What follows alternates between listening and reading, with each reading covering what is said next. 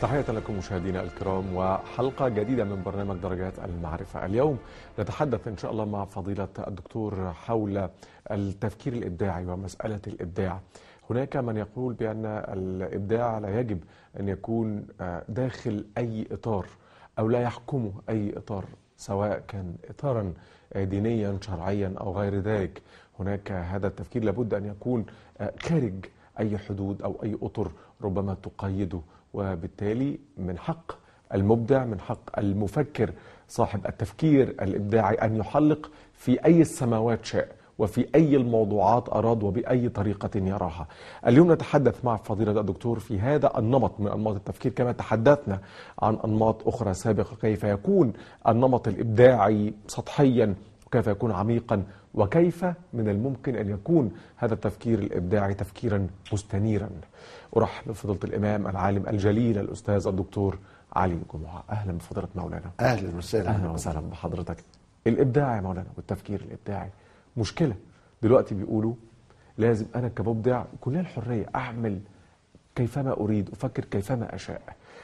نخضع التفكير الإبداعي لما أخضعنا له أنواع وأنماط التفكير الأخرى يا مولانا إذا تكرمت بسم الله الرحمن الرحيم. الحمد لله والصلاة والسلام على سيدنا رسول الله وآله وصحبه ومن والاه. الإبداع كما يقول الإمام الغزالي في حقيقة القولين ليه كتاب اسمه حقيقة القولين. أبو حامد الغزالي ميت 505 هجري يقول أن على قدر التصور المبدع يكون درجة المجتهد. إحنا عندنا الاجتهاد ده شيء عظيم. الإمام الشافعي الإمام مالك الإمام أبو حنيفة الإمام الأوزاعي الامام ها؟ نعم. الكبار. يفرق إيه مجتهد عن مجتهد؟ قال بالتصور المبدع. تصور المبدع. الإبداع. يبقى إحنا بنقوم الإبداع قوي لأن إحنا بنصف به الأكابر. إيه هو التصور المبدع؟ لما أنت هتفتي فتوى إنه الناس تمشي يمين إيه اللي هيترتب على ذلك فده بيسموه المآلات اللي هيحصل بعد كده إيه؟ إيه اللي هيترتب عليها؟ على قدر قوة وإبداع التخيل الذي سوف يكون عند المجتهد على قدر ما يكون قوة اجتهاده. لأنه هيعرف يقول ده ده كده هيترتب نفع طب وافرض حصل كده هيحصل كده. طب لو حصل كده يحصل كده. عامل زي إيه؟ يعني تفكير عميق. لكن لو إنه تفكير سطحي بس وقف عند حاجة بس كده ما يبقى ما فيش إبداع. الإبداع معناه أن تنشئ شيئا لا على مثال سابق. والإبداع معناه أن تنشئ هذا الشيء وتعرف جميع علاقاته وهو جاي منين ورايح فين وكذا إلى آخره.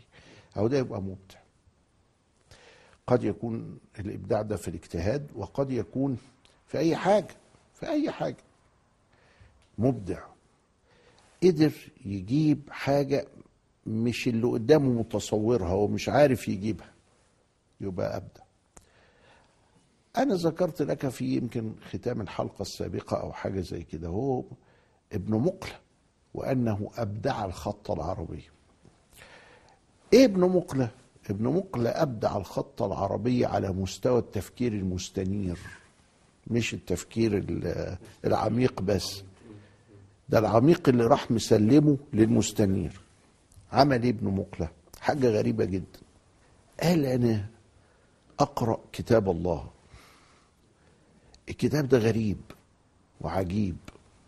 الكتاب ده أنزله الله سبحانه وتعالى من لدنه على نسبة إلهية فاضلة. شوف شوف شوف التفكير العميق المستنير اللي بعد كده هيسلمه للقلب عشان يستنير. نسبة إلهية فاضلة. عارف النسبة الإلهية دي إيه؟ إحنا نفسنا بنسميها دلوقتي طبقا لليونان وكده النسبة الطبيعية. شوف شوف الفرق. هو مسميها النسبة الإلهية لأن الله قد خلق الكون الذي فيه تلك النسبة فالله هو خالق هذه النسبة. لما كنا في إعدادي يقول لك الدايرة الدايرة دي المساحة بتاعتها النسبة الطبيعية ويعملوها طه بالعربي طاء جاي منين طاء؟ طبيعي. وبعدين في نصف القطر مربع. تضرب نصف القطر في نصف القطر. قوم يطلع مساحة الدايرة. طب وإيه الطه دي؟ 22 على 7 وإيه 22 على 7 يعني معناته إيه؟ يعني معناتها 3 وواحد وأربعة. 3 و14 من 100 طب والنسبة الطبيعية دي؟ نسبة طبيعية. ومديكة يسميها إيه؟ نسبة إلهية. بيقول أنا ودني حاسة إن القرآن ده نازل على نسبة إلهية. على نسبة إلهية عاملة زي الرياضة عامل زي يعني له نظم كده داخلي عجيب. ليس كشأن كلام البشر. ماشي قول اللي تقوله. عايز إيه؟ قال عايز أكتبه بخط يكون جاي من نسبة إلهية فاضلة أيضا. ألا إيه العمق ده؟ أنت سامع حاجة؟ أيوه. شعر ده؟ لا مش شعر. نسر ده؟ لا مش نسر خطب دي؟ لا مش خطب. الله أمال إيه؟ ده قرآن. إيه الفرق ما بين سمعك للشعر وسماعك للنسر وسماعك للخطب وسماعك للي انت بتسمعه دلوقتي؟ قال أن هذا له. هكلمك بالإنجليزي. هنعرف تعرف إنجليزي كويس. tempo معين tempo كده ال tempo ده اللي هو إيه؟ rhythm ايقاع معين. الإيقاع ده من عند ربنا يا أخي. طيب. خلاص حاضر. كل الناس اللي بتسمع القرآن فعلا يقول لك إيه ده؟ حتى اللي ما بيعرفش عربي. يقول في حاجة ده غريبة في مختلف عن أي حاجة. ده مختلف. آه, مش مجرد ده كلام عادي يعني. آه دي كده؟ حاجة داخلية كده إيقاع. أنا عايز أكتبه بقى بخط. يبقى فيه هذا الإيقاع. في حاجة شبيهة بالإيقاع ده. قلنا له دي هتجيبها إزاي؟ قال أنا أجيبها من المسدس اللي مرسوم جوه الدايرة. قلنا مش فاهمين. إيه علاقة المسدس اللي جوه الدايرة؟ اللي الشكل السداسي الشكل. السداسي اللي جوه الدايرة. يقول الشكل السداسي الدائري. دائري ليه؟ لأن هو اترسم جوه. الدايرة. وده تعمله إزاي؟ قال ده ده لما هرسمه كده هيطلع فيه قطر للدايرة كده. قلت له أيوه. قال لي هعتبر إن ما بين الوتر اللي فوق ده وما بين المحيط دي هسميها نقطة. المسافة دي هسميها نقطة. وراح راسم النقطة زي سمبوكسه كده. تعد كام بقى؟ يعني لما عمل كده في الدوائر كلها حاجة غريبة. ده تمن تمن الخط كله تمن القطر يعني. يعني القطر ثمان نقاط. قلت له طيب افرض إن القطر ثمان نقاط. قال لي بخلال النقاط دي بقى ومن الألف هخترع الحاء وهخترع الدال وهخترع النون وهخترع وقعد يعمل كده ويطلع من المسدس ال ال الدائري الحروف. وأنا مذهول. قلت له دي نسبتها قد إيه؟ اللي هي النسبة الفاضلة بتاعت الدايرة كام؟ 3 و14 من اللي هي 22 على 7 دي طلعت واحد وستة من عشرة. واحد وستة من عشرة. جايبها منين دي؟ على أهو من المسدس الدائري. الله إيه الشغل ده؟ ده شغل كبير قوي. وبتعمل كده ليه؟ حتى نكتب كلام الله بخط به نسبة إلهية فاضلة كما أنزله على قول به نسبة إلهية فاضلة. سبحان الله. ده؟ وبعدين يقول لي شتيمة ربنا وشتيمة المقدسات وكذا إبداع. إيه ده؟ إيه ده؟ ده كلام ده كلام بيهين البشرية وبيهين العقل الإنساني. وراح عمل كده وطلع كل الحروف الثمانية وعشرين من خلال المسدس الدائري. بنسبة إلهية وهذا تملي يقول لك إيه آه. إلهيات فاضلة فحضرتك أنا ده أستطيع بكل سهولة أن أنا أقول إن هو مبدع لأنه أنشأ شيئا على غير مثال أدي الإبداع هو هو كده أنشأ شيئا على غير مثال في فكرة عنده. والفكرة ليه بقى ال ال الإبداع بتاعه ده؟ هو سطحي ولا عميق ولا مستنير؟ بماذا هو, عمله ليه؟ خدمة لمحور الحضارة وهو النص. يبقى مستنير. طيب من يأتي ب بمستوى جديد من الإسفاف والانحطاط أيوة. ويقول بأن هذا هو إبداع ويجب وأنه مبدع ويجب أن يترك لكي يبدع وكيف يشاء فكل ما جاء به هو مستوى جديد من الانحطاط هل هذا يعد إبداعا سطحيا؟ آه، ألفت في هذا كانت آه، الأستاذة الدكتورة زينب عبد العزيز كانت أستاذة الحضارة واللغة الفرنسية في الجامعة. وألفت للإجابة على هذا السؤال كتاب أسمته لعبة الفن الحديث. وقالت من هذا الإسفاف إنه بقى الواحد بدل ما كنا بنتكلم عن مايكل أنجلو وبنتكلم بعد كده حتى عن فان جوخ بقينا نتكلم عمن يضع اللوحة وراء ظهره مش قدامه. ويجي دالق عليها جرد الغيرة. انت وانت بتقرأ ما تصدقش. وبعدين لما جابت الصور يدلق على لوحة غيرة. ويجيب شوية من وكالة البلح شوية مسامير على شوية تعاتير على شوية آه، برادة حديد ويرميهم من ورا ظهره. فيقعوا فيتكلبشوا فيه الغيرة. وتبقى دي اللوحة اللي فازت بال ال تشبيه لطيف. ها؟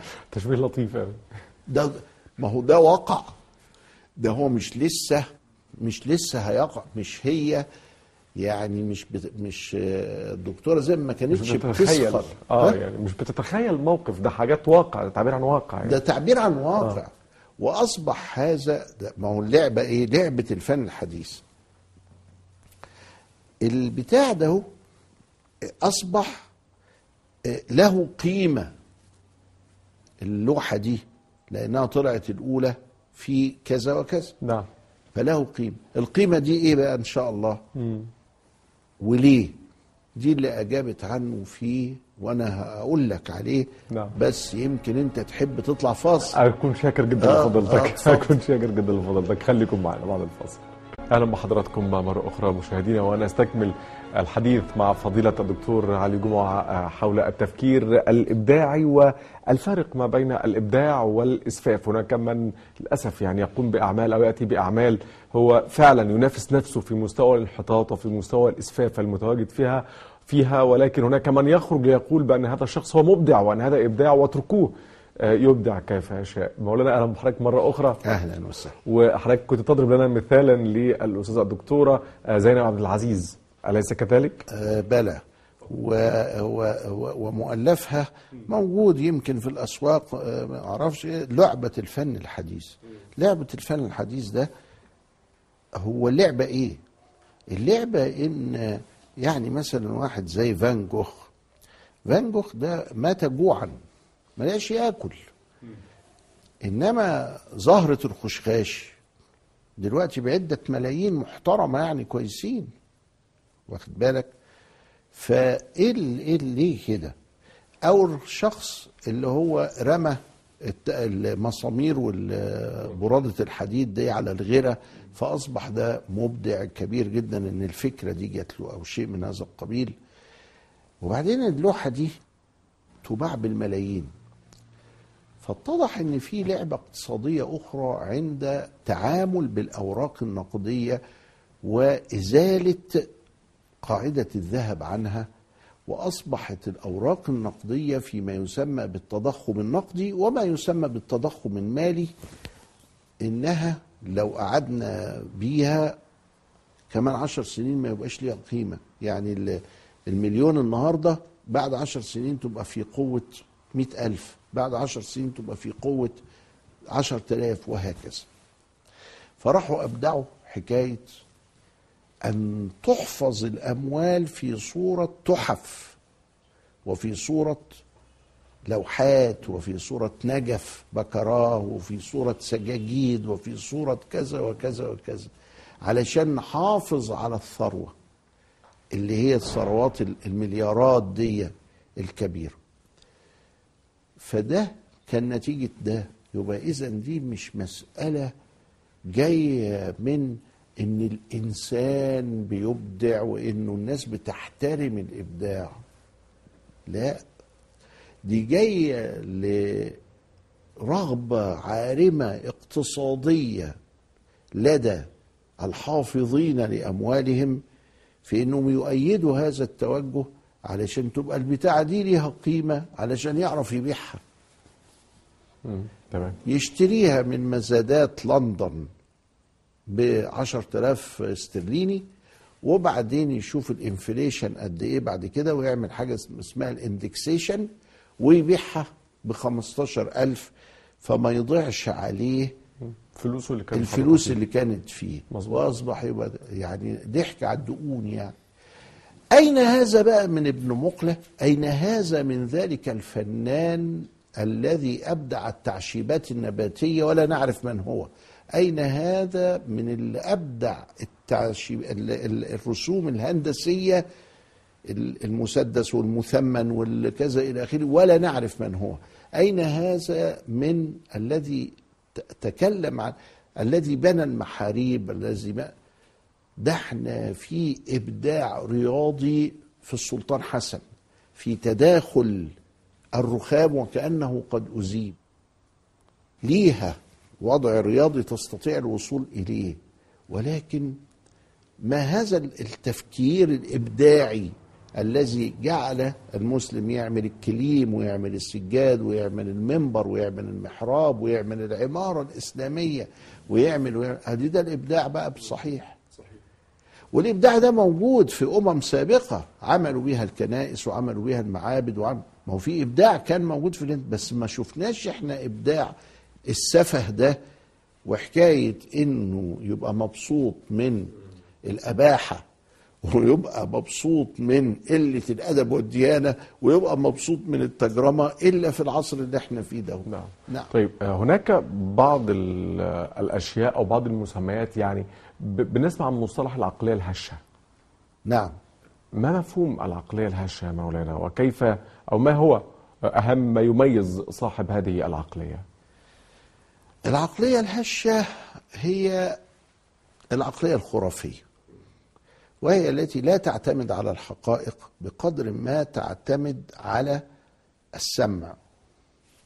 ولذلك لخصوا وقال فإنه يعني بالعقلية الهشة فإنه يصدق ما يسمع ويكذب ما يرى. شو- شوف إزاي. شايف بعينيه حاجة فما يصدقهاش. مرة الجماعة اللي إياهم دول مش مصدقين إن في قناة سويس اتحفرت. أيوة بس اتحفرت أهي قدامكم أهي. لا بس إحنا سمعنا غير كده. فدي العقلية الهشة ده اللي مش عايزينه. ما كانش الإمام النووي كده. ما كانش الإمام الشافعي كده. ما كانتش الصحابة الكرام كده اطلاقا نهائي. كان عندهم نظام للتوثيق وللتثبت. حتى إن الله قد ألهم هذه الأمة 21 علم علشان تعرف التوثيق والتثبت وكيف الرواية. سواء كان في نقل القرآن الكريم سواء كان في نقل السنة المشرفة سواء كان في نقل الدفاتر وكتب الأئمة كل ذلك بالأسانيد المتصلة المقروءة المعتبرة التي جعلت عقل المسلم عقلا ليس خرافيا وليس هشا بل عقلا علميا متثبتا يعرف مواضع أقدامه. فالعقلية الهشة دي ولا حتى السطحية دي مش معانا. دي عقلية الهشة دي لأنها عقلية خرافية عقلية غير علمية عقلية تصدق ما تسمع وتنكر ما ترى عقلية خارج ده كفاية إن إحنا مسمينا عقلية زي الحديث الموضوع. الحديث الموضوع ما هوش حديث أصلا. بس إحنا سميناه حديث باعتبار إيه؟ باعتبار الواضع الذي نسبه كذبا وزورا على رسول الله حديثا. نعم نعم. سميناه حديث, من هذا آه. القبيل. لقد إنما إنه موضوع. لكنه موضوع. نعم. فهذه ما هيش عقلية أصلا. آه لكنها هشة. ها؟ لكنها هشة بدون إنما عقليه هي هشة أصلا. كفاية إن إحنا قلنا عقلية هشة. عقلية ما هيش عقلية أصلا.